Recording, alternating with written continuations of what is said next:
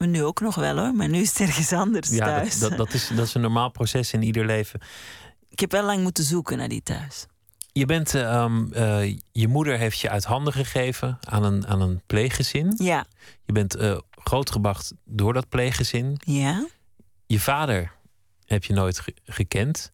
Over dat thema Nou, ik heb heb hem wel gekend hoor. je hebt hem wel gekend. Ja, ik heb hem wel gekend, maar ik heb hem pas op mijn negende levensjaar voor het eerst ontmoet. Dat is relatief laat. Heb je ooit een band met hem kunnen ontwikkelen? Nee, dat is niet gelukt. Niet bij het leven. Jouw vader was Afrikaans. Ja, uit, eh, Gambiaans. Gambiaans. De Gambia? En hij woonde in Amsterdam. Ja, klopt. En daarna is hij weer teruggegaan naar Afrika en daar is hij gestorven. Ik ben in, eh, in Amsterdam verwekt.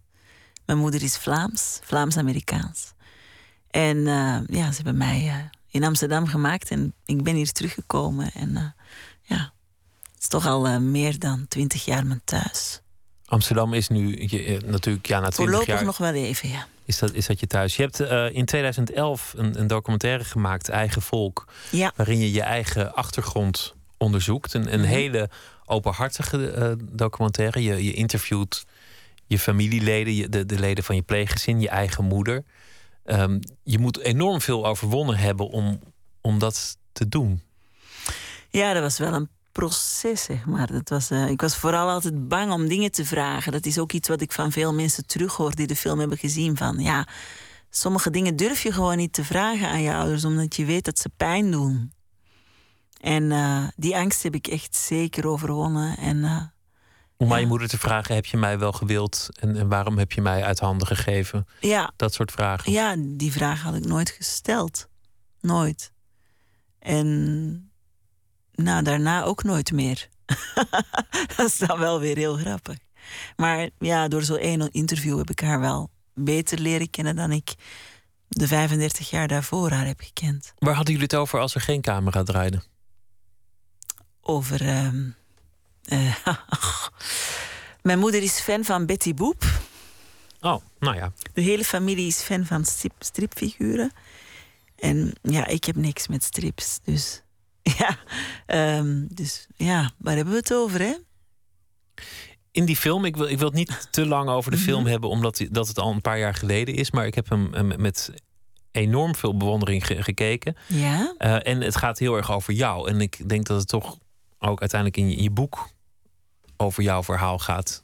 Zij Ja. het op een andere manier eh, vertelt. ja het, is een, het is fictie. En, en, en ik denk dat bepaalde thema's die mij bezighouden... dat die in al mijn werk, ook in theater vroeger al... ehm, in mijn films... ehm, het komt altijd terug. Het is altijd wel iets met ouder-kindrelaties. ehm, ja, dat, dat is toch een soort pijn. Dood komt altijd terug. eh, ja, en eh, ja, slechte communicatie is ook altijd een thema. Dat geldt zeker voor het boek. Als, dat gezin waar jij bent opgegroeid. Hè? Want, want Mhm. jouw, moeder heeft op een gegeven moment gezegd... eh, willen, jullie, eh, willen jullie op haar passen? Ja, En zij zeiden, nou ja, oké, dat, dat is goed. Hoe, hoe zou je dat gezin omschrijven? Waar jij bent opgevoed? oh, een echt, echt Vlaams arbeidersgezin. Echt, ehm, ja, vader die werkte in de fabriek. En eh ons mama die had een winkel en eh, deed ook nog s'avonds in tupperwarepotjes. Echt heel erg eh, ja, Vlaams en arbeidersmilieu. Met Volks. erg van voetbal. Kijken naar voetbal. Een, een drinken van, van een, een pintje. Ja. Veel pintjes, niet een pintje, maar op- veel op pintjes. Op zijn Vlaams. het, het gouden vocht rijkelijk laten stromen. En, maar dat is dan toch opmerkelijk dat ze, dat ze jou voor vol aannamen en gewoon vol in dat gezin sloten. En, en het eigenlijk ook zich lieten gebeuren dat iemand zei: pas even op mijn kind, oké, dat doen we. Nou ja, het is een heel verhaal en dat ziet in de, in de film. Het heeft heel veel met mijn, met mijn zus, met mijn pleegzus te maken. Die niet buiten kwam en die altijd maar, ehm, ja, eigenlijk best wel een beetje bang was om naar buiten te gaan, om op straat te komen. En op het moment dat ik kwam, een klein zwart babytje, en zij was van kleins af aan gefascineerd door zwarte mensen. eh, ging ze wel naar buiten. Dus, en het is altijd zo gebleven. Mijn zus is nu bijna 60. Maar eh, ja, af en toe ga ik daar naartoe en dan haal ik haar uit haar huis en dan gaan we naar buiten. Dat is altijd zo gebleven. Dat... maar jij hoorde erbij, je was gewoon één van het gezin, één van de Vlamingen, maar mhm. toch was er eigenlijk ook net iets net anders. Maar, maar wanneer merkte je dat? Hoe bedoel je dat er net iets anders was? Nou ja, jij, hebt uh, krulletjes, jij hebt een, een andere huidskleur, maar er, werd, er werd niet over gesproken zozeer. Nou, er werd wel over gesproken hoor. Ik werd wel um, gepest of, op school of zo, maar zelf had ik het gevoel dat ik gewoon net als zij was. Net als zij, gewoon wit. En, en ik, ja, ik had cruiser zoals nu nog. Maar dan deed ik zo met mijn hand door dat haar en dan zwiepte ik zo dat haar, maar dat haar bewoog niet. Dus ik heb zelf een videoband dat ik dat doe. En ja, dat ziet er heel grappig uit. Het is gewoon heel duidelijk dat ik mij helemaal uh, identificeer met dat gezin helemaal Vlaams geworden, maar dan tot aan het strijken over je haar toe. Nou, niet geworden. Ik ben Vlaams. Je bent Vlaams. Ik ben er geboren Dat en ik ben uh... er getogen. dus ja, veel Vlaamser krijg je ze niet. Nee, maar je hebt geen stel haar. Dus als je zo door je haar strijkt, dan. Nee. Nou, helemaal, ja, ik denk dat dat dan blank. Dat heeft dan meer met blank, te maken. Ja. Precies, ja. ja. Nu gaan we het uh, hebben over, over je boek. Want de hoofdpersoon die, die heeft precies hetzelfde opgroeien in, in een omgeving. En, mhm. en ehm, ook anders zijn, ook, ook uh, zwart zijn. En daar, daar gebeuren precies dat soort dingen. Dat eigenlijk bijvoorbeeld in het café de mensen ineens een, een neger op gaan tappen. omdat ze al lang vergeten zijn dat iemand daar misschien aanstoot aan zou kunnen nemen. Dat vond, ik, vond ik een mooie scène. Ja, een beetje grof is die, geloof ik. Je bedoelt kapsalon, denk ik, hè? Dat, ja. uh, dat. Nou ja, het is, het is um, in, in dit boek natuurlijk wel zo dat die sfeer. Die is echt zoals ik me herinner van vroeger. Alleen um, is het hier een ander verhaal, omdat ik uh, heus nog wel met zwarte mensen in aanraking kwam en zij eigenlijk niet. Dus Priscilla, haar moeder, is gestorven vlak na haar geboorte. En um, ja, zij groeit op bij haar vader en haar bomma. En uh, ja, er wordt nooit over die moeder gesproken. Dus in die zin is er een groter, groter gat, of ik wou zeggen een zwart gat. dat is uh, groter dan, dan bij mij, denk ik. Een dorp, ik moest meteen denken aan, maar dat heb ik als ik, als ik mm. over België lees, denk ik aan Hugo Claus. Mm -hmm. Maar er zijn natuurlijk veel meer, maar, maar in, in heel veel dingen heel Vlaams. Die, die hele sfeer is Vlaams. En in dat dorp is eigenlijk je lot bepaalt. Of je komt te werken in de bierfabriek of bij de firma Kleenex van de, van de zakdoekjes. De Kleenex-fabriek, de wc-rollenfabriek. De wc-rollenfabriek. Het is, het is één van de twee. Je ja. kunt, je, dat is gewoon hoe het leven zich, zich ontvouwt. Ja, was dat ook jouw gevoel toen je opgroeide? Van, van mijn, mijn lotsbestemming ligt al vast? Nee, want het is fictie. En uh, we hadden wel een fabriek in het dorp. Maar het was ook wel een papierfabriek, maar fotopapier. Dus het dorp uh, waar ik ben opgegroeid, daar zat, was Agva Gevaert. En ik had niet het gevoel dat ik daar per se moest blijven, maar wel dat benauwde. Dus als ik er nu terugkom bijvoorbeeld, dan zie ik al die mensen van vroeger en die ja, zijn hoogstens misschien een beetje van partner gewisseld, zo geruild, zo'n soort stoelendans zie ik dan voor mij. Maar voor de rest is alles hetzelfde gebleven gewoon. En soms vind ik dat wel prettig. Ik had ook mijn uh, boekpresentatie ook in België. Ik had er eentje in Nederland en in België. En dan vind ik het bijvoorbeeld heel leuk om mijn jeugdliefde, waar ik nooit tegen heb durven zeggen dat ik daar heel mijn jeugd op verliefd was, om die dan weer te zien. Dan krijg ik ook weer dat gevoel wel van vroeger. Van oh ja.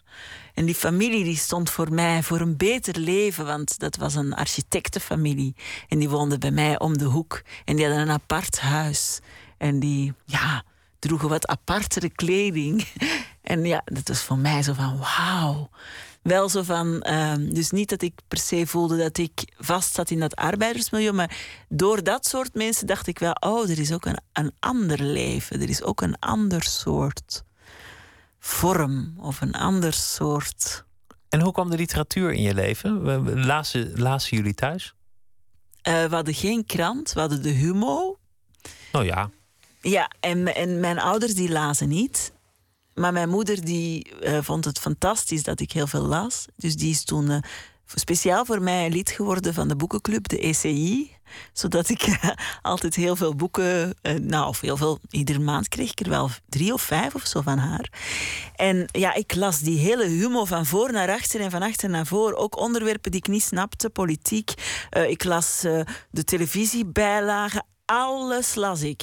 En vorig jaar ontdekte ik dat uh, Herman de Koning, het is echt een beetje mijn held, dat hij vroeger ook voor de Humo heeft geschreven. En toen dacht ik, oh, maar dan is dus eigenlijk vanaf mijn zesde is die taal gewoon, is die poëzie via de Humo waarschijnlijk toch zo in mij gegleden. Dat, nou ja, de Humo is een prachtig blad. En, en Herman de Koning, als, als die ervoor schreef, dat, dat, ja, zo'n taalgevoel, dat verlies je niet snel, denk ik. Dus dat zal in ieder stuk hebben, hebben doorgeklonken. Ehm, het gaat dus eigenlijk over, over thema's die heel erg bij jou horen voor een deel. Hè? Om, mhm. om, om zwart te zijn, maar volledig op te gaan in een, in een milieu waar, uh, zoals uit je documentaire blijkt, mensen later gewoon allemaal Vlaams belang zijn gaan stemmen. En, en het mhm. helemaal niet zo hebben op andere culturen, maar ja, maar dat geldt toch niet voor jou? Jij hoort er gewoon bij. ja. die, die, sfeer, die, die herken ik ook wel in, in, in dit dorp, in je boek. Ja, die zit hier ook in. Maar ja, die, die herkennen we tegenwoordig ook in Amsterdam. ja, dat, dat, dat, Is, dat is waar, ja. Zeker. Het Amsterdam wat ik nu, waar ik nu in woon is een heel ander Amsterdam dan waar ik twintig jaar geleden heen kwam. Merk je dat? Oh, enorm. Kom op. Net nog in de taxi. ja. Maar ja, ik, wat dat betreft ben ik dan, maak ik mij ook niet zoveel illusies. Ben ik dat ook wel weer heel erg gewend van toen ik klein was. Wat gebeurde, wat gebeurde er in de taxi? Werd je uh, onheus nou, worden, nou, niet on, onheus. Echt gewoon, ja, meer... Uh, ja, niet heel intelligent of zo. Of niet heel... Uh, niet heel open. Dus mensen gaan aan dingen veronderstellen meteen. Doordat ze je zien. Hè? Dus, uh, Vragen waar je vandaan komt en, en zeggen je zal wel daar en daar invullen. Ja. Je moet straks weer waarschijnlijk met dezelfde taxi nee. terug. Oh. Nee, heb ik even gecheckt. dus ik denk altijd wordt het een hele... Oh ja, en Pauw News was heel scherp. Oké. Um, je hebt ook echt, echt um, gegevens gebruikt voor, voor je, je, je boek het, dorp heeft een trauma. Er is, er is een, een bombardement geweest. Het, um, is dat ook echt gebeurd? Ben je ook echt historisch te werk gegaan om, om een dorp te vinden waar een bombardement, een geallieerd bombardement. Het is mijn dorp. Het is echt mijn dorp. Dus als er iets autobiografisch is aan dit boek, is het dat wel. En um, nou, het, het kwam vanzelf. Ik begon te schrijven en voor ik het wist, was ik met dat bombardement bezig.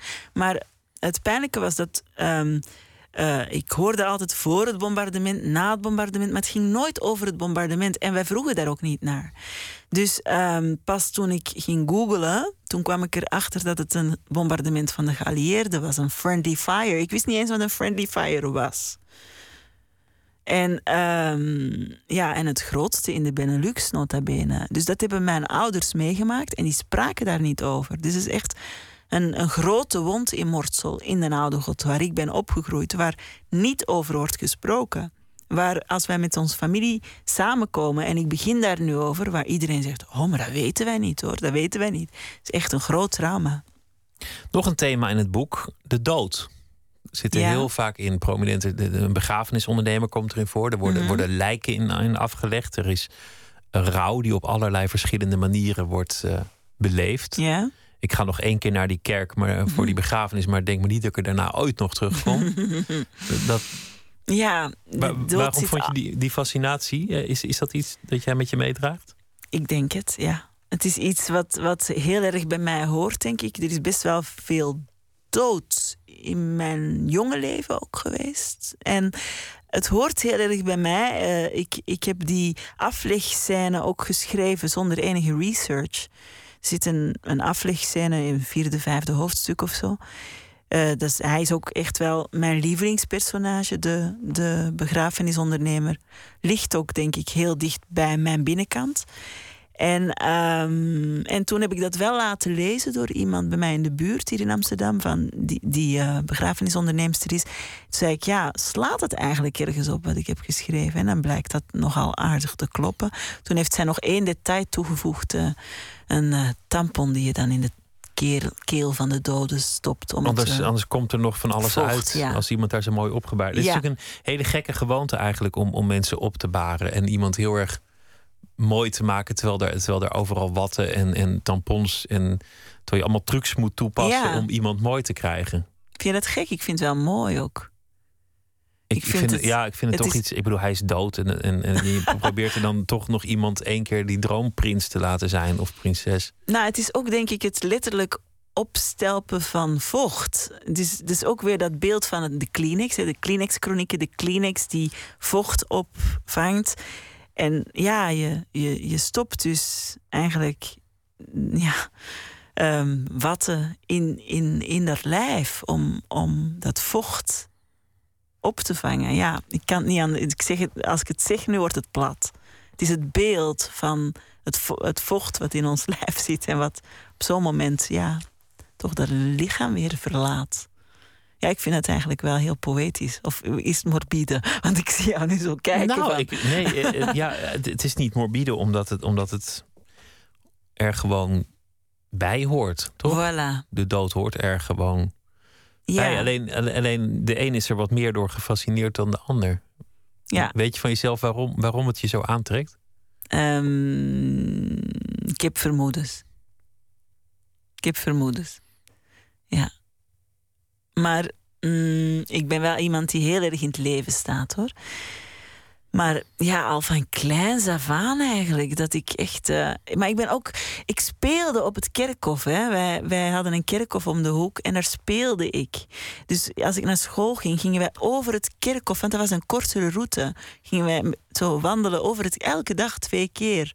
Mijn eerste baan was op het kerkhof. Ik, ik droeg. Um, uh, bloempotten voor mensen op, alle, op Allerheiligen en Allerzielen. En daar heb ik heel veel geld mee verdiend. Dat was een hele toffe job. Was ik acht of negen. Dus ja, voor mij was dat een gegeven of zo, het kerkhof. Ik vond het helemaal niet eng ook. Maar als je veel over de dood schrijft, dan, dan, dan heeft dat misschien ook wel iets engs dat je, dat je daarmee dingen afroept. Of ben je niet bijgelovig in Oh, ik ben heel bijgelovig en ik roep ook van alles op mij af. Maar ik schrijf erover, maar het overkomt me ook hè, echt. Want bijvoorbeeld, ik had, bij dit boek dacht ik echt van oké, die vader van Priscilla, het hoofdpersonage, die vader, die Walter, die is depressief, die gaat dood. Die gaat zelfmoord plegen. Er is in mijn eigen familie een hele heftige zelfmoord uh, is er geweest voordat ik ben geboren. En ik dacht dat ik dat stukje een plek zat te geven. En ik kon schrijven wat ik wou. En die man die wou gewoon niet dood. Dus die is ook niet dood gegaan. Het lukte, het lukte gewoon niet om het op, op, papier te krijgen. Nee, nee, werd niks. Werd lelijk. Werd, uh, werd krom. Het lukte niet. Ik wil even een stuk laten horen, uh, toch uit je film. Maar dit, mm dit gaat niet zozeer om, om om, om de film te bespreken, maar omdat jij ook heel muzikaal bent en dat je ook een deel hebt gezongen van, van het verhaal. Mhm. Mag ik daar nog? Oh. Ik was drie weken slechts, dus zeg maar 21 dagen. Toen mijn zogenaamde moeder aan jou een kleine gunst kwam vragen. Of jij even op mij letten wou. Ja, dat wilde jij wel even. Wist jij veel dat ik zo aan mijn hele leven bij u blijven zou. Je gaf me melk uit een pakje. En s'avonds legde jij mij aan uw borst. Je waart mijn eerste ware liefde. Je waart het haardvuur na de vorst. Je waart hetgene wat mij voedde. En uw kader was zo rijk. Je waart meteen mijn ware moeder. Mijn aarde en mijn pokon tegelijk.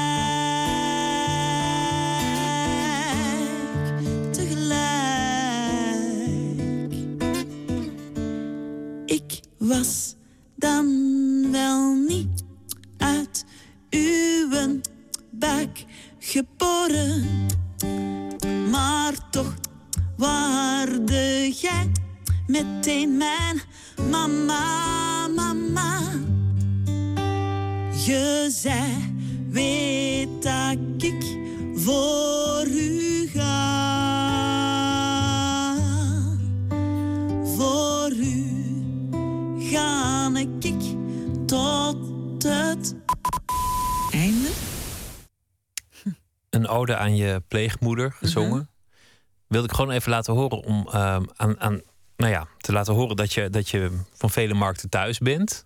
Je, je wilde er nog iets over zeggen van tevoren. Nou ja, dat het voor mijn pleegmoeder was. Nou ja, dat, dat, dat is gezegd. Die negen was tijdens het bombardement. Dus dat is dan een hele mooie.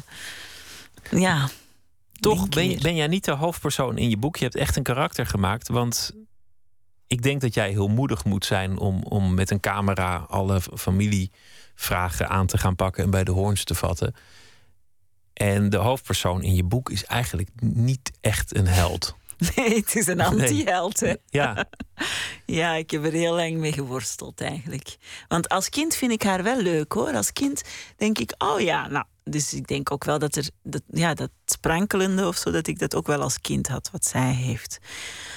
Maar um, ja, ik vind haar eigenlijk uh, op een gegeven moment best wel. Uh, als een pudding in elkaar storten. En dat vond ik echt wel lastig. het lijkt me moeilijk als je zelf een moedige, daadkrachtig uh, iemand bent die van, van mouwen opstropen, aanpakken, dat soort dingen. Om, om iemand te bedenken en te beschrijven die dit allemaal niet heeft. Ja, maar waarschijnlijk zit dat ook ergens in mij. Hè? En, en is dat een kant die ik mezelf nooit zou toelaten, omdat ik gewoon uh, een overlever ben en, en, ik duw alles erdoor en ik doe het zo. En, en zij, ja, het overkomt haar meer op een bepaalde manier.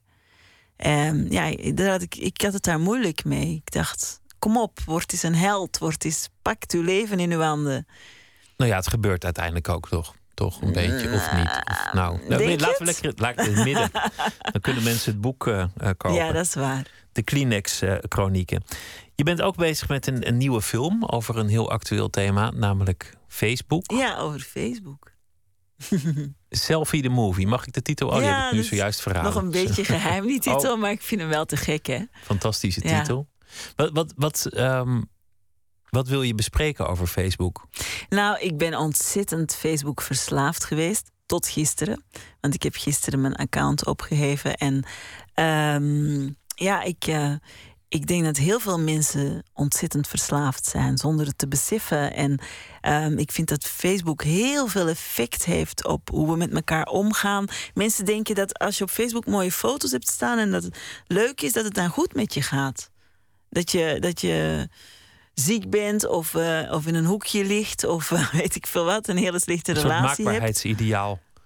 Dat, dat, dat, je, dat je je mooie kant portretteert. Terwijl, ja. terwijl het misschien allemaal ja, fake boek is het misschien ook wel? Vaak wel. En, en ik heb ook wel gemerkt, als je er iets op zit wat als niet zo goed met je gaat, dat wordt eigenlijk niet gehonoreerd.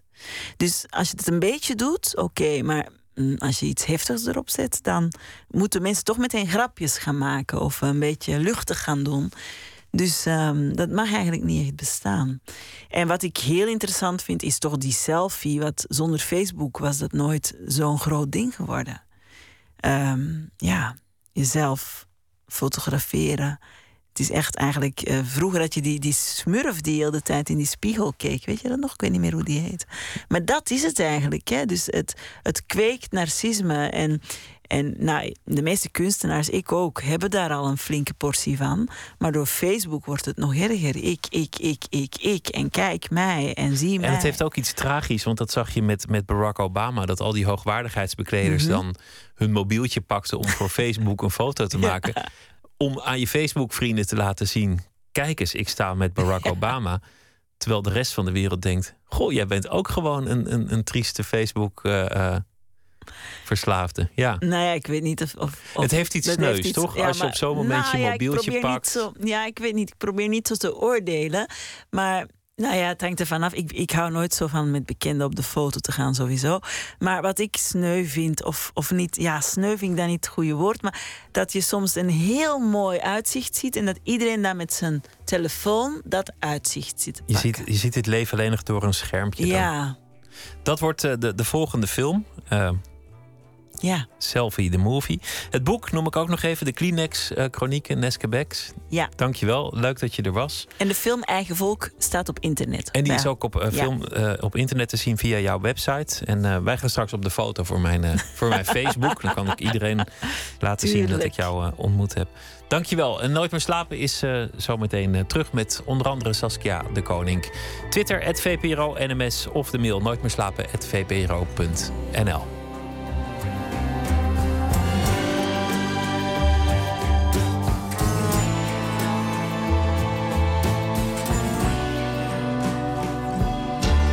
VPRO.nl. Radio 1, het nieuws van alle kanten.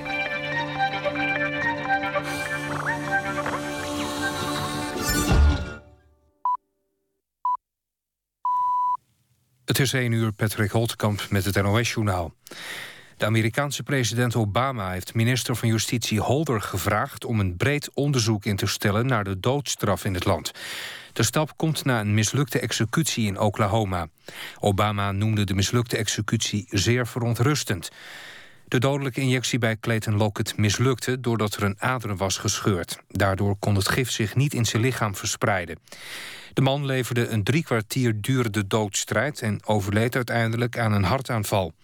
Obama zegt dat de doodstraf in sommige gevallen misschien wel gerechtvaardigd is maar dat voltrekking van die straf aanzienlijke problemen met zich meebrengt. Hij verwees daarbij onder meer naar gevallen waarin het vonnis later werd teruggedraaid en dus onschuldigen te dood waren gebracht. Ook wees hij erop dat veel meer zwarte dan blanke verdachten de doodstraf krijgen. Ik denk dat we ons als samenleving een paar moeilijke en diepgaande vragen moeten stellen, zei Obama. De pro-Russische separatisten die al een week een groep OVSE-waarnemers vasthouden... zijn bereid om die onder voorwaarden vrij te laten. Dat heeft het Russische ministerie van Buitenlandse Zaken bekendgemaakt. De mededeling kwam na een telefoontje van de Russische minister van Buitenlandse Zaken Lavrov... met de Zwitserse president en waarnemend OVSE-voorzitter Burkhalter. Hij gaat met Kiev overleggen.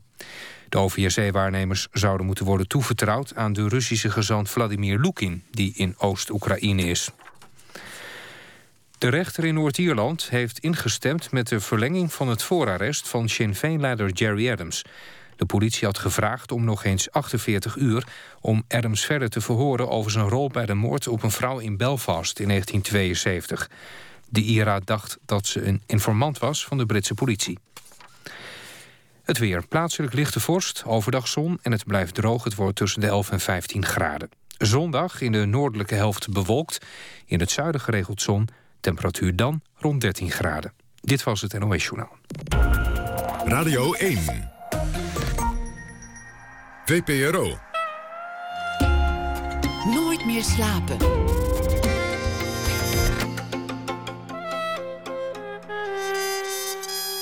Met Pieter van der Wielen. U luistert naar Nooit meer slapen. Elke dag bellen we met een schrijver of dichter om te kijken hoe die zich kan laten inspireren door het alledaagse in de literatuur. En deze hele week is dat de Vlaamse schrijfster Saskia de Koster. Ik zei net de koning, was nog eventjes met Herman de Koning in het achterhoofd. Saskia de Koster uit Vlaanderen. Haar laatste boek, Wij en ik, kwam vorig jaar uit. Werd buitengewoon goed ontvangen. Een uh, familiegeschiedenis, min of meer familie-epos over een aristocratische, aristocratische familie. Goedenacht, Saskia. Hallo, goeienacht. Het laatste verhaal alweer. Hoe is je mhm. afgegaan deze week? Hoe is het bevallen? Um, heel goed, ja, omdat ik vind dat je ja, bijna uit elk nieuwsfeit wel iets kan puren. Of, of dat is altijd een soort van springplank voor uh, een klein verhaaltje ook. Het is, het is echt 200 woorden, is niet veel. Dus um, ja, ik vond dat eigenlijk een, een uh, interessant experiment en ik denk dat je daar heel lang mee kan doorgaan. Mooi. Ik ben benieuwd wat je vandaag hebt uh, gevonden? Ja, ik dacht ik ga niet de grote verhalen, dus geen Syrië of Oekraïne of zo, maar uh, er was een berichtje um, waarin uh, stond dat de, de Pixar, zo die animatiemaatschappij van films, dat die eigenlijk altijd, die hebben de in iedere film was er wel ergens een A113 die gebruikt werd. Dat was een mysterie onder fans. Wat betekent dat nu eigenlijk? Dat is eindelijk ontcijferd gewoon een verwijzing naar uh, de klas waarin dat die Pixar-studenten vroeger les kregen. Dus allee, zo banaal is het. Maar dan dacht ik van mensen vinden het eigenlijk altijd fijn om iets te kunnen herkennen, om iets thuis te kunnen brengen. En bijvoorbeeld, allee, is misschien een beetje abstract, maar mensen vinden het ook gewoon fijn om in het nieuws iemand echt te gaan herkennen van ah, dat is mijn buurvrouw, oh, die ken ik. Uh, dan wordt het zo precies veel dicht, meer dichtbij en dan wordt het en daar heb ik een uh, klein verhaaltje geschreven. Ik ben benieuwd. Ga je gang. Vannacht had ik een droom waarin mij werd gezegd dat mijn buur, waar ik zo vaak aan denk, vandaag in de krant zou staan. Of de stem het vertelde en wie die stem dan was, dat herinnerde ik me niet meer. Want het lijkt wel alsof je andere oren hebt in een droom.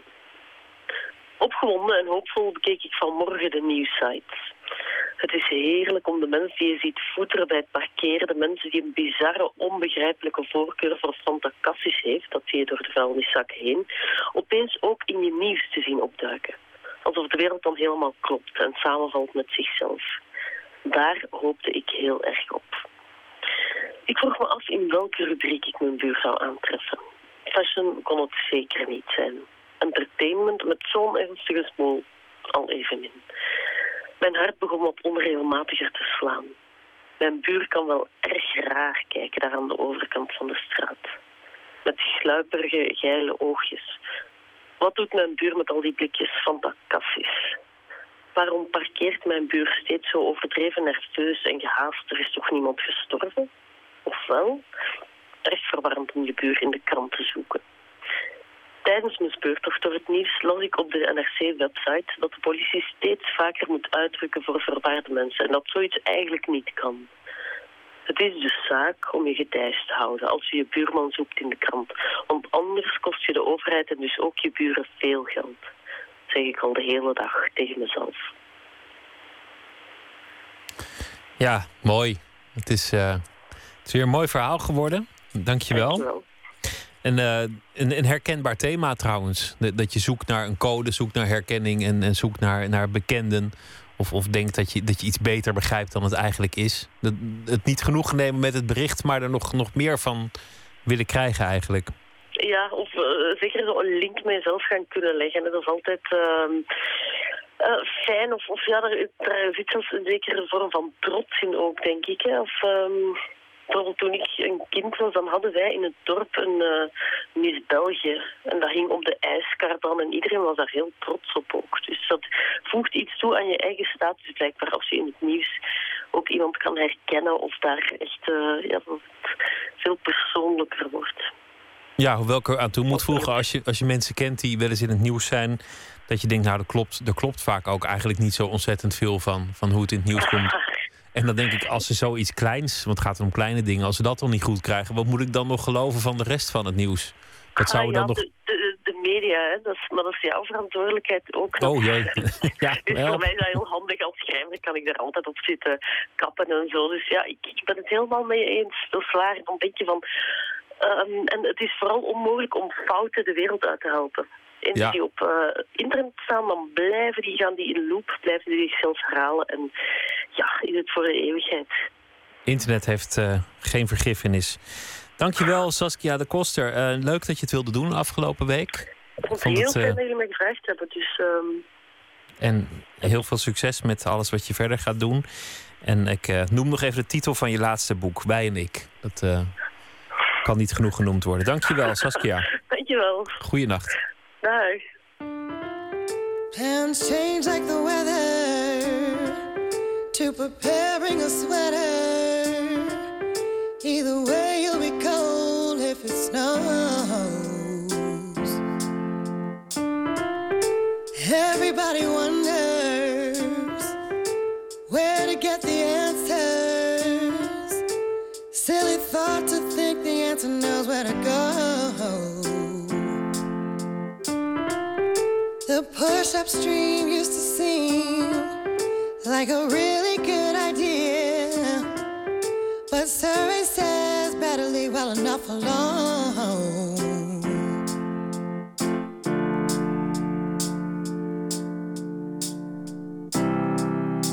Not everyone believes the story.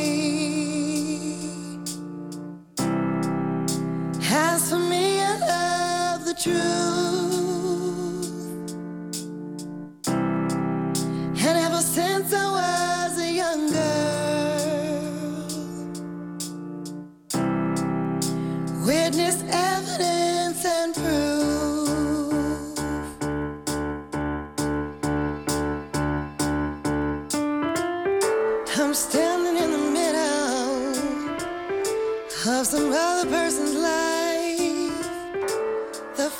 Part about that is, I'm sure these are my highs.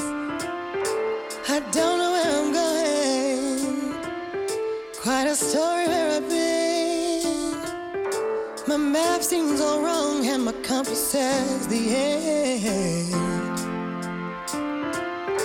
If it's already written, and my script can be forgiven, doesn't matter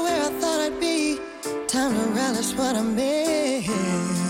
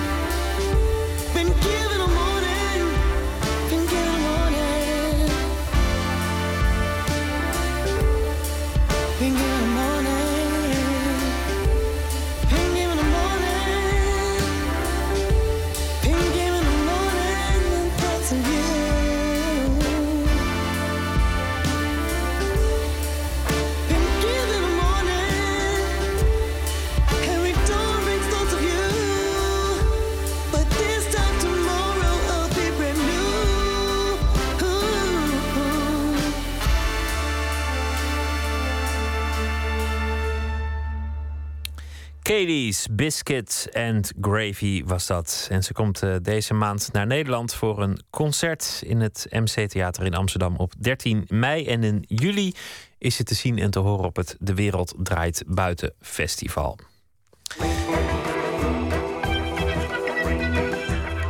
U luistert naar de VPRO Nooit meer slapen. En dan nu een ontmoeting met Hans Vervoort, die na vele boeken nu de encyclopedie van het op het nippertje geredde kennis heeft gepubliceerd. Een geheel op Facebook ontstaan boek met feiten en herinneringen die in de vergetelheid dreigen te geraken. Vervoort over wat ons bijblijft en wat niet. Over zijn geboorteland Indonesië, over Bibberland Nederland. En over waarom hij niet langer geïnteresseerd is in een reguliere uitgever. Vervoort geeft zijn werk voortaan uit in eigen beheer. Een bijdrage van Anton de Goede.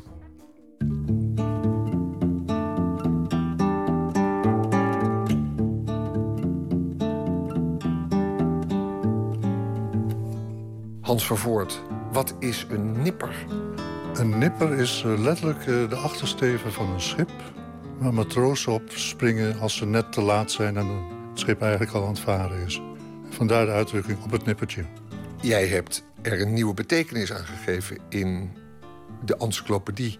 voor op het nippertje geredde kennis. Ja, als je op mijn leeftijd bent, ik ben 75...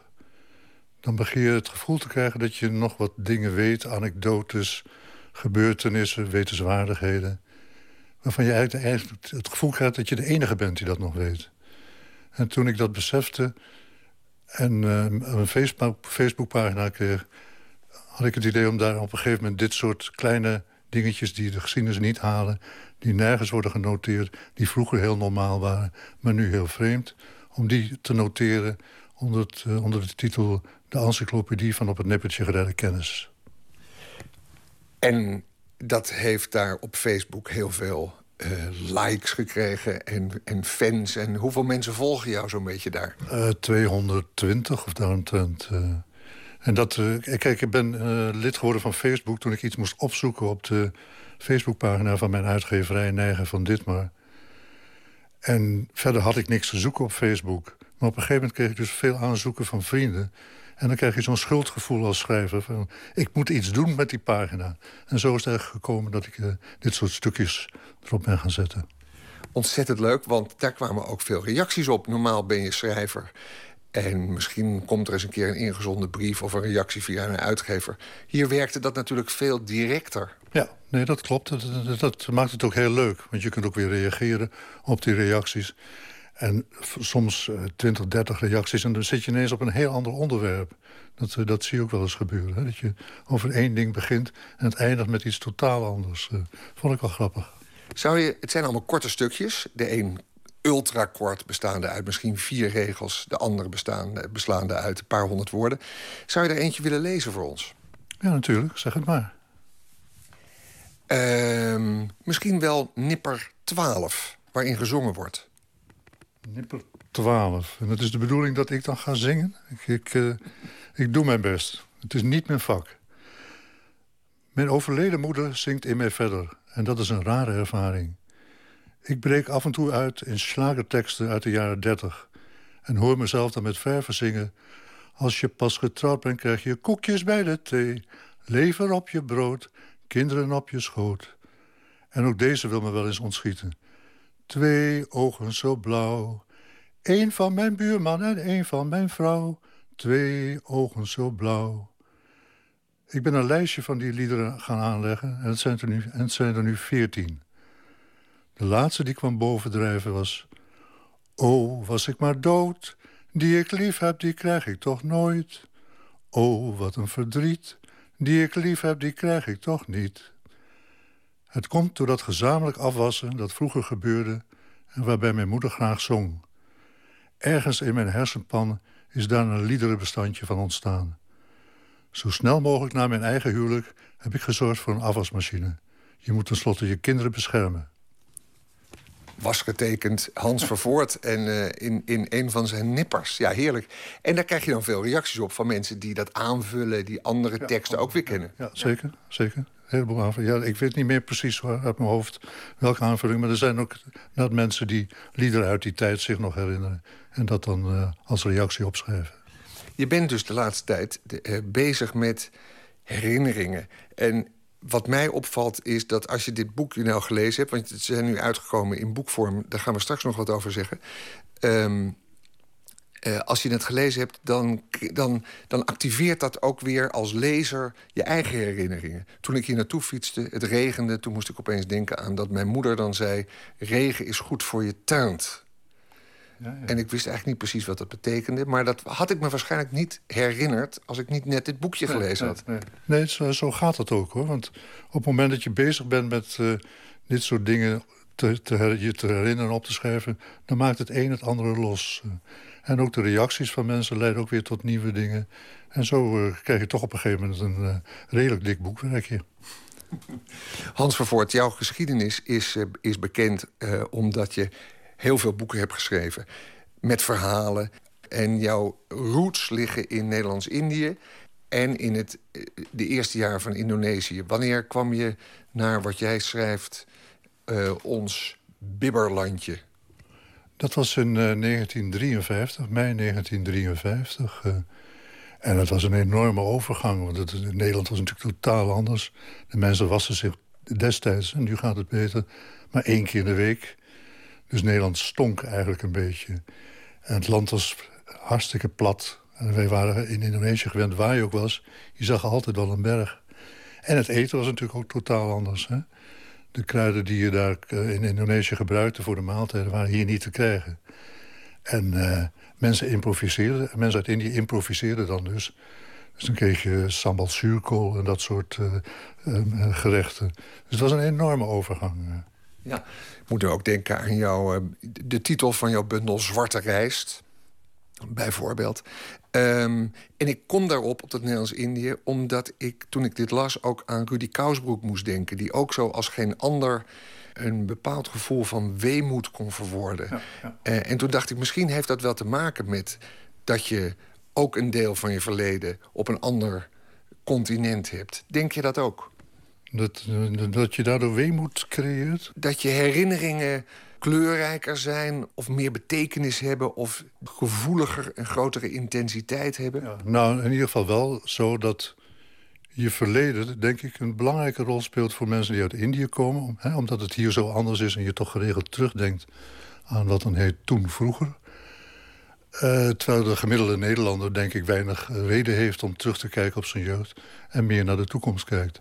Dat is de, denk ik wel waar. Dat is ook voor iemand als Kousboek uh, gold dat zeker. Mm -hmm. ja. Zullen we er nog eentje doen, zo'n zo'n nipper? Het zou ook een prachtige radiorubriek zijn... want luisteraars die veren natuurlijk ook op bij bepaalde herinneringen. En er zit veel herkenning in. Bijvoorbeeld Jaap Fischer op bladzijde 25. 25. Jaap Fischer, een zanger. Ja. Lees hem. Hij was er van de ene dag op de andere. Jaap Fischer, student in Leiden en zanger van tragicomische liedjes. Zijn plaatjes werden stuk gedraaid op de huurkamers... waar sfeer werd gemaakt met visnetten... en Chianti-flessen met druipkaas erin. En even plotseling was hij weer verdwenen. Zelfmoord gepleegd was het gerucht. Logisch, na al die zwartgallige balladen. Zoals Het Ei. Wie googelt YouTube Jaap Fischer... dan vindt u al zijn liederen daar. Generaties groeiden op, decennia gingen voorbij. En toen kwam Joop Visser in beeld... Een argwanend ogende, eenzelvige man... die af en toe optrad en zijn platen in eigen beheer uitbracht. Meer ontspannen oogt hij in latere jaren... als hij een duo vormt met Jessica van Noord. Kijk op www.joopvisser.nl voor hun liederen. Op 6 juni 2013 traden ze voor het laatst in het openbaar op.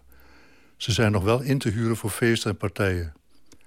Visser studeerde Arabisch voordat hij uit zicht verdween en in het buitenland voor de Verenigde Naties ging werken. Niks zelfmoord. Ik kocht een ei, de melkboer zei... het komt zo onder de kip vandaan. Ik ben nog te laat van huis gegaan om het mee te kunnen nemen. Hier heeft u een jong leven voor 16 cent of meer. En namens de ouders smakelijk eten, meneer. Het lag nog warm, te leven in mijn hand...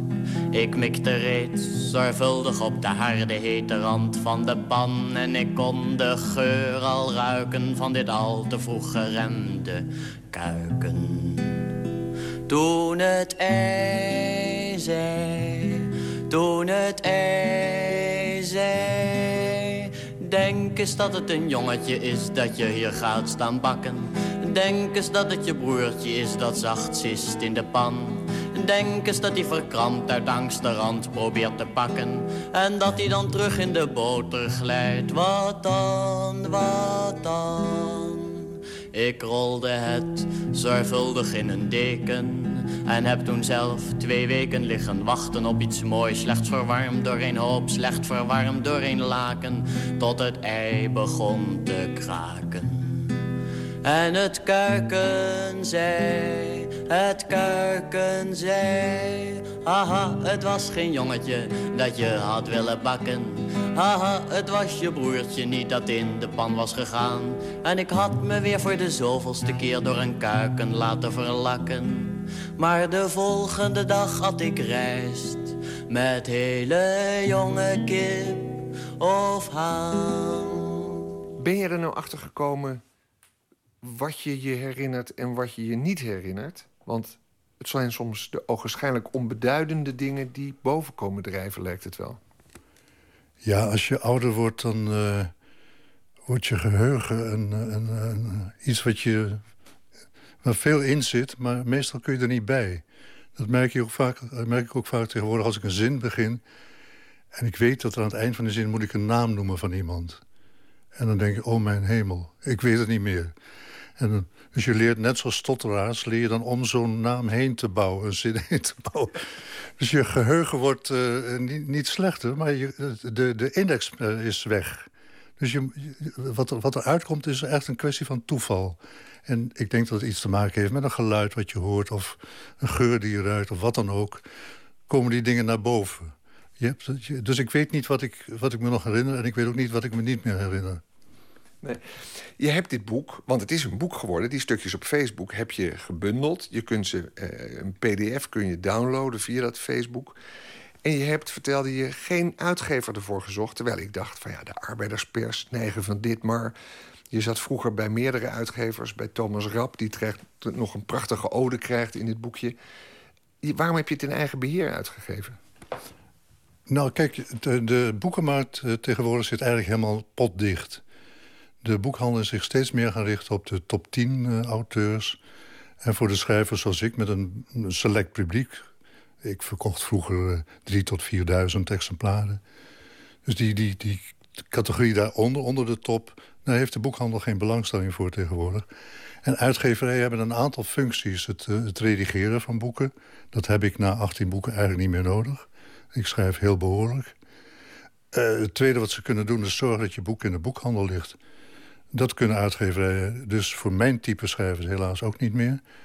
En zorgen dat je publiciteit krijgt eh, bij Pauw en Witteman of weet ik veel. Uh, de wereld draait door. Nou, dat is voor schrijvers als ik niet weggelegd. Dus een uitgever heeft voor mij eigenlijk geen enkele functie meer.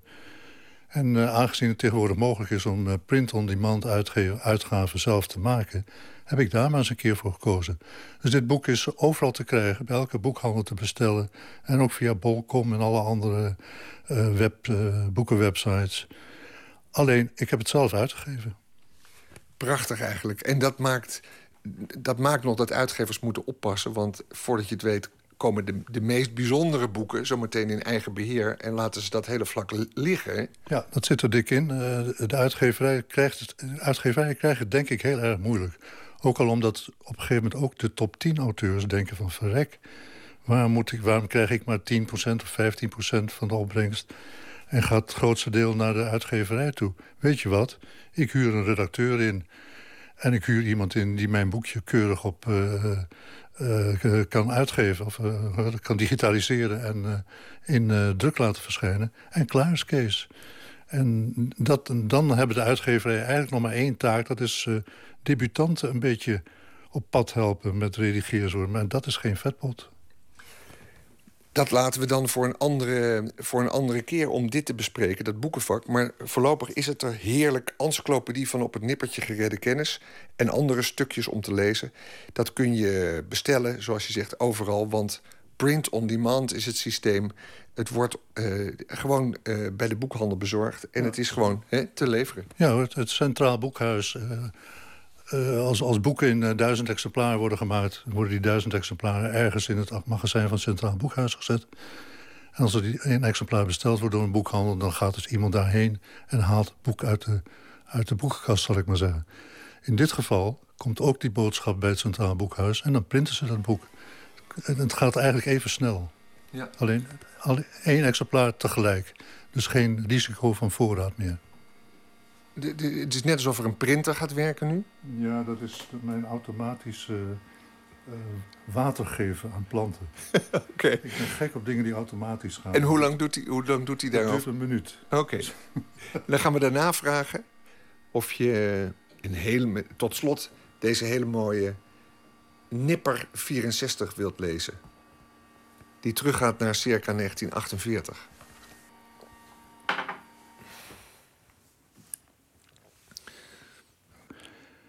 Ik was toen negen jaar. Je speelde na theetijd, eind van de middag... met wat buurtjongens op het grasveldje van de boulevard... en merkte dat het wat donkerder begon te worden. Om zes uur viel in Surabaya namelijk de nacht als een baksteen. En ja hoor, dan klonk ineens van kind tot kind de doorgegeven boodschap... Hans, jij moet naar huis door jouw moeder. Spijtig, ook voor hen. Want ik moest de voetbal dan weer inleveren bij sergeant van der Wal die de Niwin goederen beheerde. Niwin stond voor Nationale Inspanning Welzijnszorg in Indië. En de Niwin zorgde voor ontspanningsmateriaal voor onze jongens in hun strijd tegen de Indonesiërs. Maar als ze vochten, mochten wij met hun voetbal spelen. Tot mijn moeder het te donker vond worden. En dan klonk dus: Hans, jij moet naar huis door je moeder. Ik droom het nog wel eens, maar dan verdom ik het.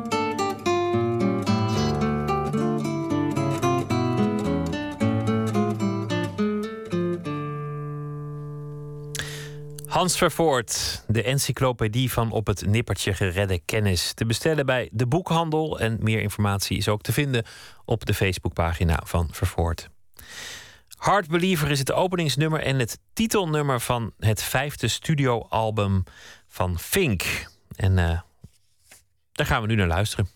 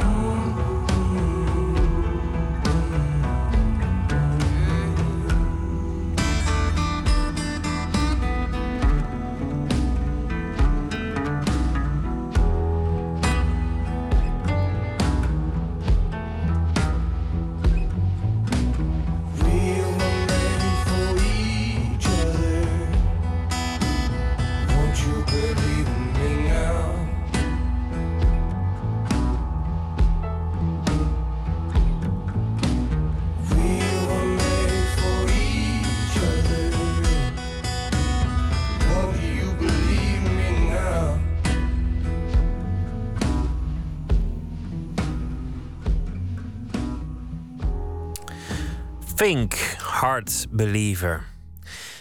Elke vrijdag bellen we voor cultureel advies, voor culturele tips met eh, een van VPRO's smaakmakers. En vannacht is dat boekenredacteur Katja de Bruin. Die gaat het eh, hebben over eh, twee nieuwe verhalenbundels en een nieuw verschijnsel van onze tijd. Namelijk de vraag of wij nogal in staat zijn om die boeken te lezen. Goedenacht, Katja. Hallo.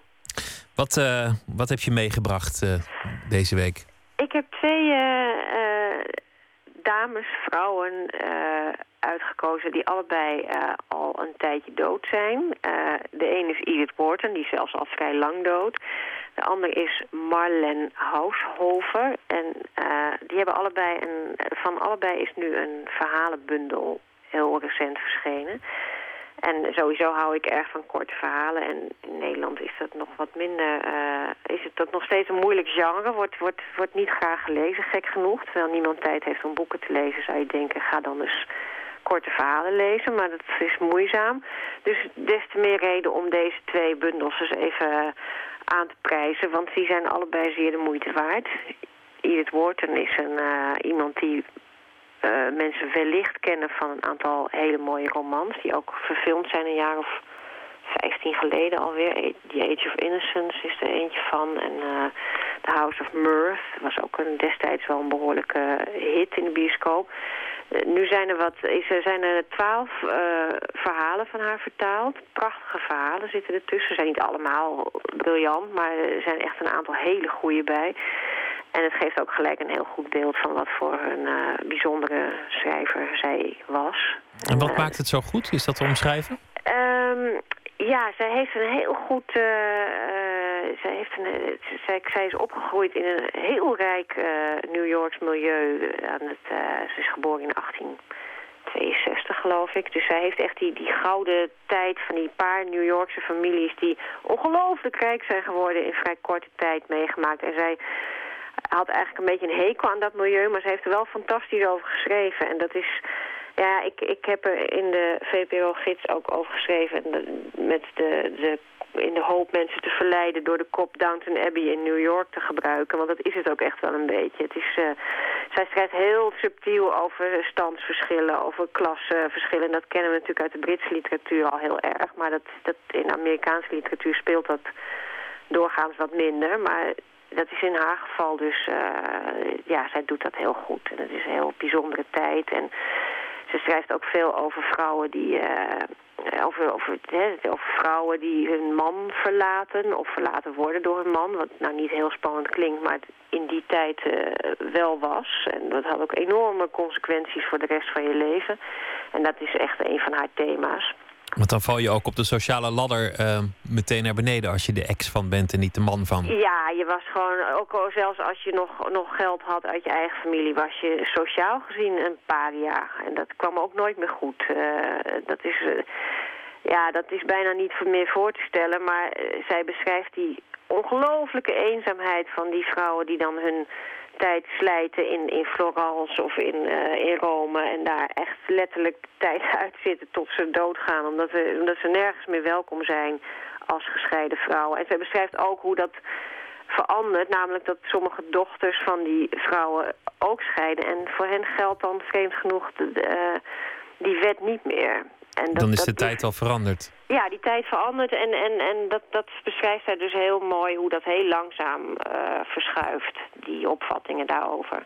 Edith Wharton, kortom. En um, ja. Marlen Haushofer, een Oostenrijkse? Marlen Haushofer, ja, dat is een Oostenrijkse schrijfster. Nou, er zijn niet zo heel veel bekende Oostenrijkse schrijfsters. Uh, en ik, uh, van haar is, is een paar jaar geleden een, een hele bijzondere roman vertaald, De Wand geheten die heeft wel wat aandacht gekregen, ook niet heel veel trouwens. Maar dat, dat geldt wel als een soort, soort verborgen klassieker. En nu zijn er uh, ook nog uh, verhalen van haar vertaald. En die zijn, ja, die vond ik ook heel, uh, heel mooi, heel, heel eenvoudig. De, althans, ze lijken heel eenvoudig. Dat is, zijn vaak de knapste, de knapste boeken als je denkt, nou ja, het is, het is, hè, het is heel eenvoudig taalgebruik, maar daardoor komt het allemaal wel juist soms extra hard binnen.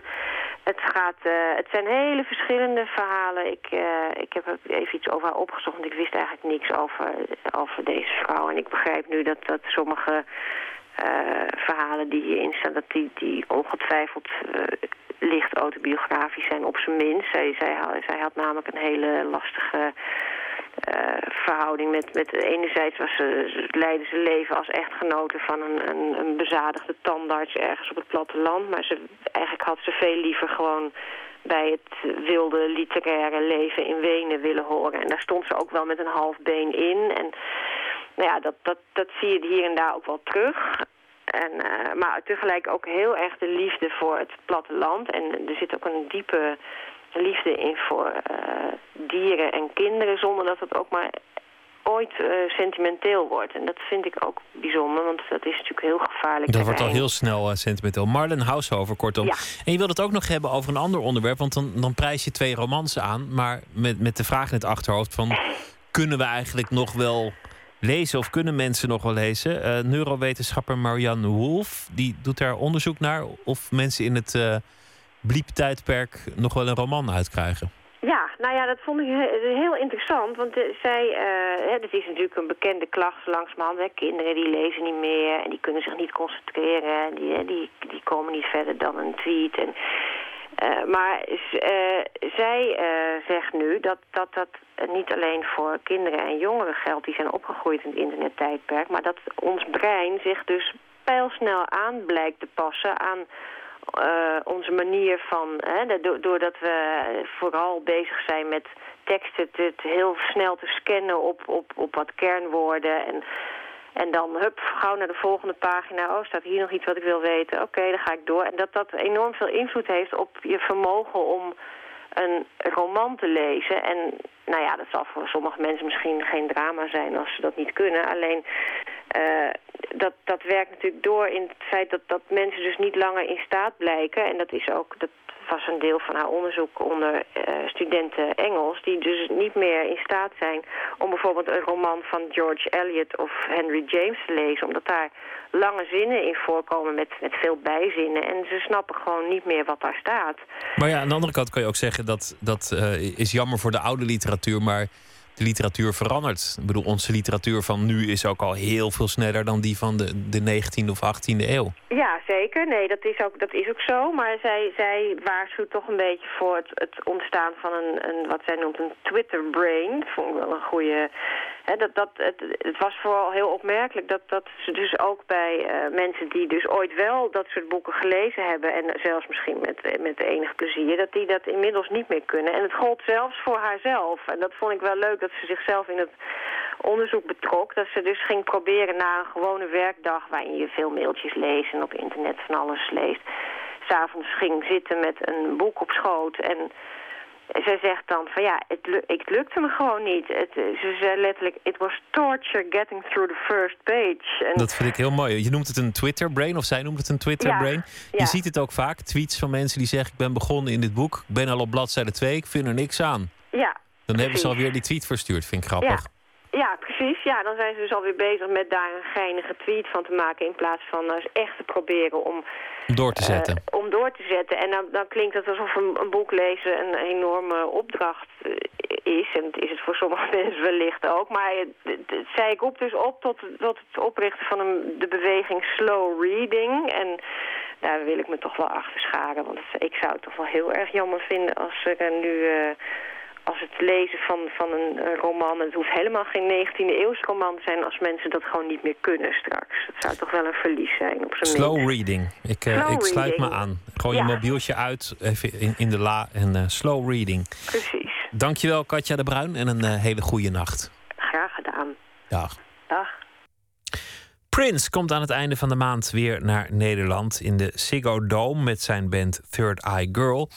We draaien een uh, nummer uit 1987, Sign of the Times.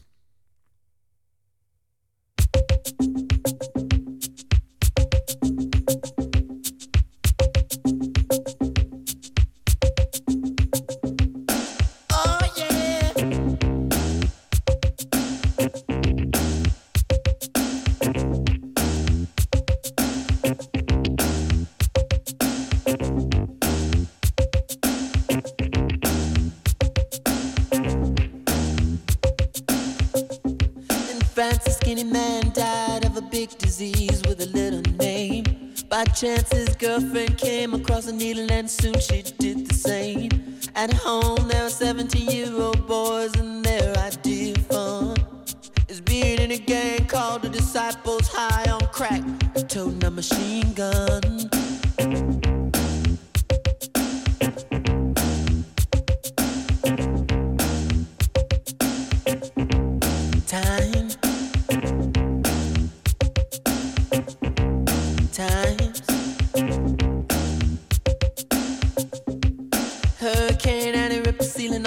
Church and kill everyone inside. You turn on the telly and every other story is telling you somebody died. My sister killed her baby cause she couldn't afford to feed it. And was sending people to the moon. In September, my cousin tried reefer for the very first time.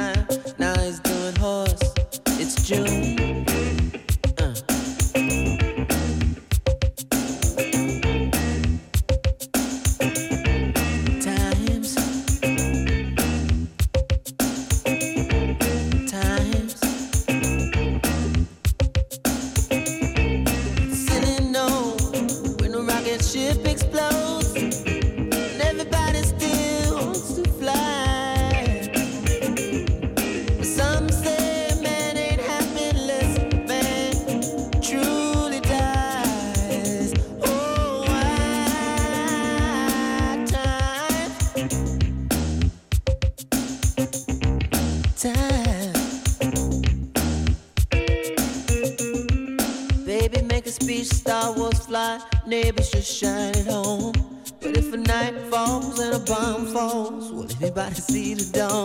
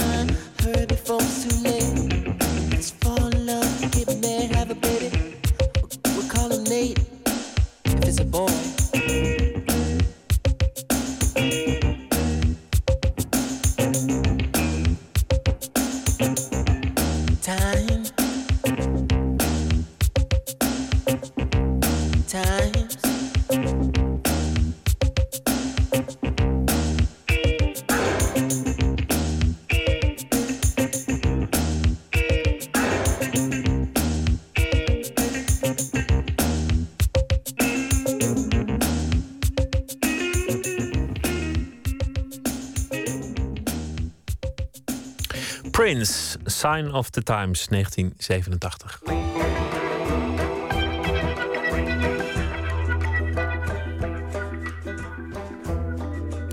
U luistert naar de VPRO naar Nooit meer slapen. Deze week was er in de Amsterdamse kunstenaarssociëteit De Kring een avond georganiseerd met als thema de pornoficatie van Japan.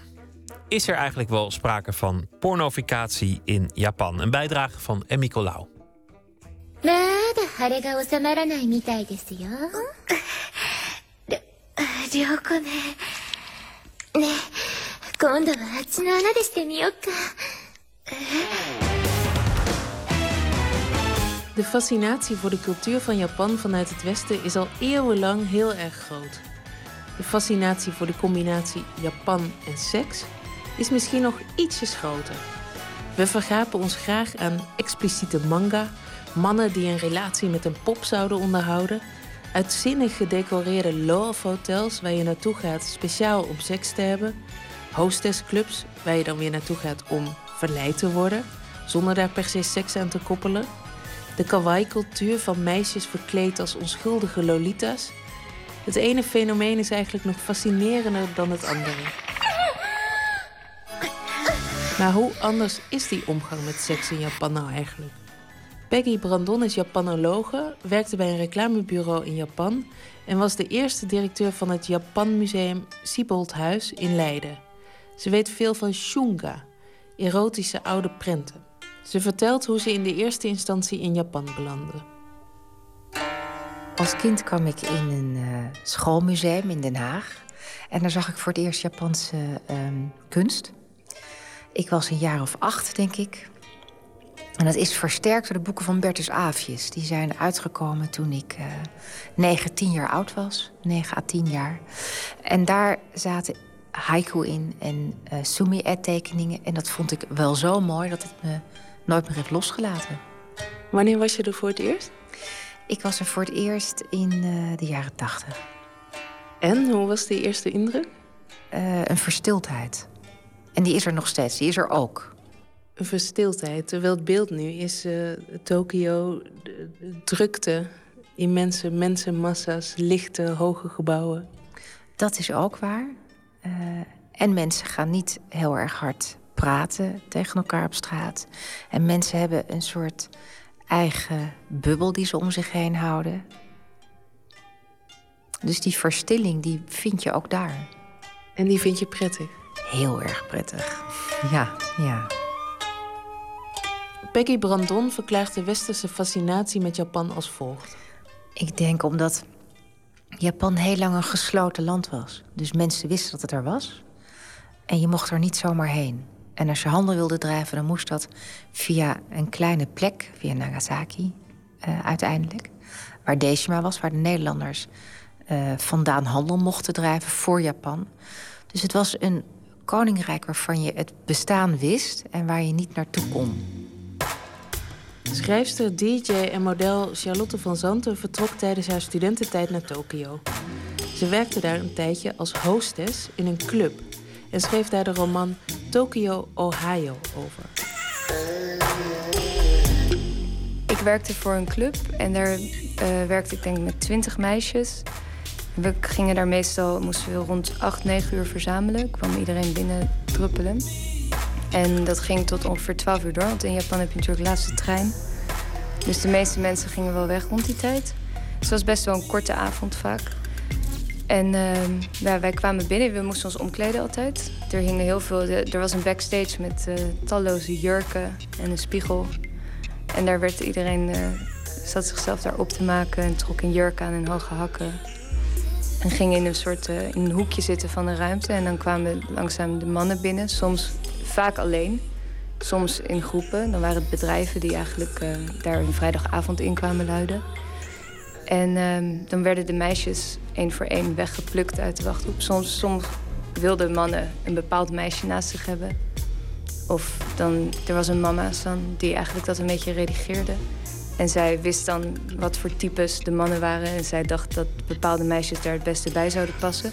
Dus die werden bij die mannen aan tafel geplaatst. En dan, uh, ja, dan lag het er een beetje aan wat, je, wat eigenlijk je, je klant wil. Of hij wil gewoon een goed gesprek. Of soms wilden ze karaoke zingen. Soms wilden ze lachen en dan gingen we kaartspelletjes doen. Of rock, scissors, paper. Dat gebeurt natuurlijk heel veel. Is het een soort prostitutie, maar dan zonder seks? Mm, nee, ik denk ja, ik, voor mij, eh, in mij, ik denk dat het meer een uh, soort sociale bijkomstigheid is.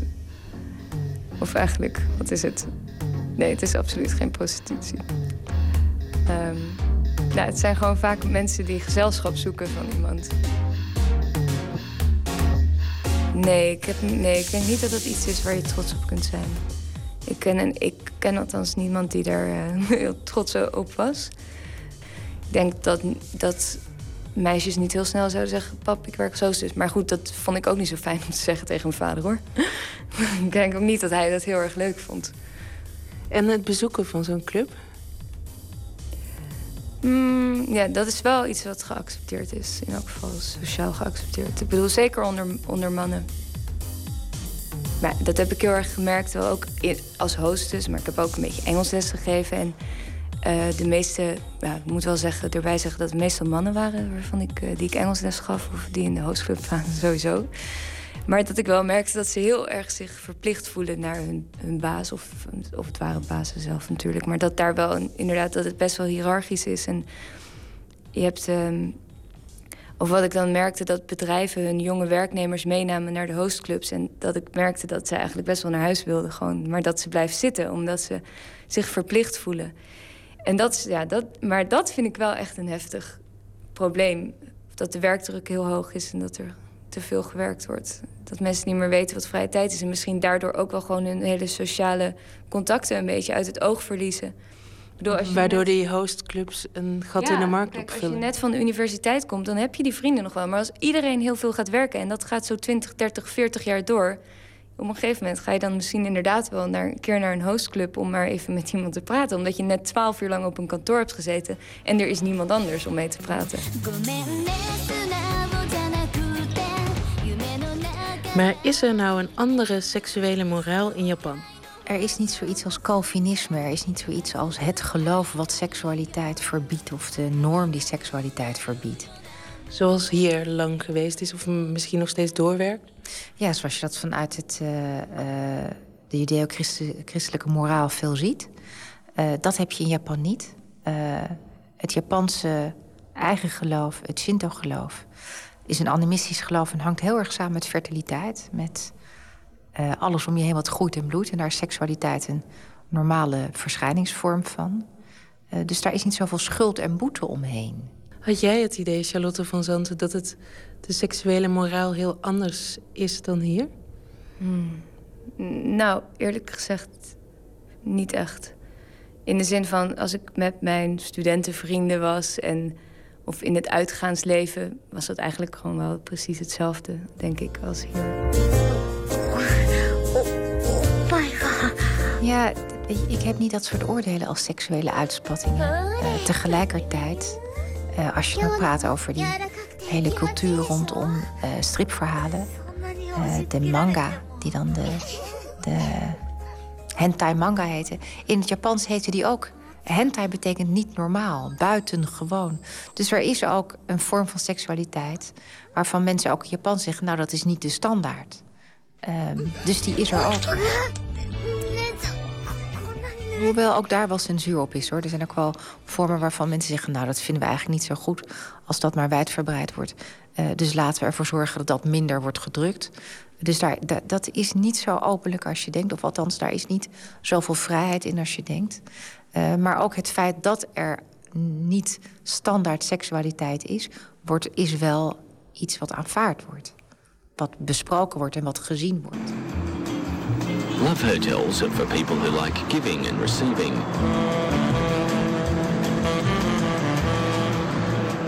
In fact, a good one is like a well-wrapped Christmas present. Colourful on the outside, with a surprise or two inside. Waar ik nog wel over zou willen praten, is de Love Hotels, de Rabo Waar hier ook heel raar over wordt gedaan vaak. Of hè, dat is grappig. Vertel even kort wat het is. Nou, wat je hebt in Japan, en dat zijn er echt heel veel. 30, 40.000, echt veel over de eilanden verspreid. Dat zijn hotels, vaak op een thema. Waar je eigenlijk heel anoniem een aantal uren kunt doorbrengen. Um, Eigenlijk gewoon om seks te hebben. Om seks te hebben, ja, dat, dat klopt. Waar je heel anoniem dat kunt doen. En dat uh, hoeft dus niet te zijn tussen uh, um, een prostituee en een klant... maar tussen twee mensen die al dan niet een uh, wat vastere relatie met elkaar hebben. En dat vind ik eigenlijk ook een soort beleefdheid. Want hier heb je dan toch, als je nog bij je ouders woont... dat je zoiets van, nou, mijn ouders komen misschien zo thuis... maar ik ga toch, ga toch maar mee. Terwijl je daar gewoon dat keurig ergens anders doet. Instead of a chocolate on the pillow, there's a condom. The antique rickshaw isn't a decoration. It comes complete with restraints. And I don't mean seatbelts. En het kan gewoon een paar uur. En die hotels zijn ook gericht op anonimiteit. Je komt binnen, er zit iemand die je eigenlijk niet in je ogen hoeft te kijken. En je kunt de kamers ook vaak gewoon via een soort systeempje boeken. Dan komt er een kaartje uitvallen. En je hoeft eigenlijk niemand te laten zien dat je daar misschien wel niet met je eigen partner bent. Of nou ja, noem maar op. En dan ga je naar zo'n kamer. Die zijn vaak op thema. Dat kunnen gekke thema's zijn. Om een beetje sfeer uh, te maken in die paar uur die je met elkaar hebt. En dat Love Hotel, dat, dat zie je heel vaak terug in allerlei artikelen en beelden. En dat uh, van nou, die gekke mensen daar. Maar het is, het is een, uh, een oplossing voor een heel. Uh, voor een, een sociaal iets, namelijk weinig ruimte. En veel mensen die nog heel lang bij hun ouders wonen. Dus ook getrouwde stellen gaan er wel naartoe. En uh, kun je dan tegen je ouders zeggen: Mama, ik ga even naar een loofhotel? Ja, dat kun je zeggen. En je kunt ook tegen je, uh, ook als je getrouwd bent, kan je tegen je, je, je schoonouders zeggen: van nou, we gaan een paar uur er daar naartoe. Dat kan, ja. Ja, ja. ja dat, dat is eigenlijk wel heel fijn. Dat je daar gewoon heel open over kan zijn. Nou, natuurlijk ook niet iedereen, maar het is niet, het is niet iets heel raars om te doen. Nee. The room comes complete with a commentary box and a sex toy vending machine. Het irriteert me heel erg dat mensen Japan zo labelen als iets uh, seksueel, seksistisch. Of... Maar um, ja, we kunnen ook niet ontkennen dat er wel iets is wat anders is. En ik denk dat dat te maken heeft met dat het gewoon een hele grote stad is met heel veel werkdruk. En dat er wel degelijk een soort escapisme is. En ik moest een beetje denken aan de, dat wij eigenlijk in, in Nederland is best een grote drugscultuur. Wat ook best wel een manier van ontsnappen is. Maar in Japan, ja, daar wordt nauwelijks drugs gebruikt. En um, dus misschien dat er wel een soort van ontsnappen inderdaad is in een kawaii-cultuur. En misschien ook wel in iets seksueels. Maar er wordt niet ieder weekend ecstasy geslikt. Ja, als gewoon vrijgezelle vrouw in Japan heb ik niet echt ervaren dat mannen anders met seksualiteit omgingen dan de Nederlandse man. En er zijn inderdaad rare dingen, maar inderdaad, weet je, je hoort, je hoort ook de gekste dingen uit, uh, uit Colombia over seks met ezels. En, en over, ja, er zijn zoveel vreemde verhalen. En toch heeft Japan heeft het nog iets extremer. Het blijft meer hangen of zo, lijkt het wel. Japanologe Peggy Brandon over de pornificatie van Japan. Nooit meer slapen is er maandagnacht weer na midderdag. Ik wens u een hele goede nacht en morgen een leuke dag. En straks op deze zender de VPRO met Woord. Op Radio 1, het nieuws van alle kanten.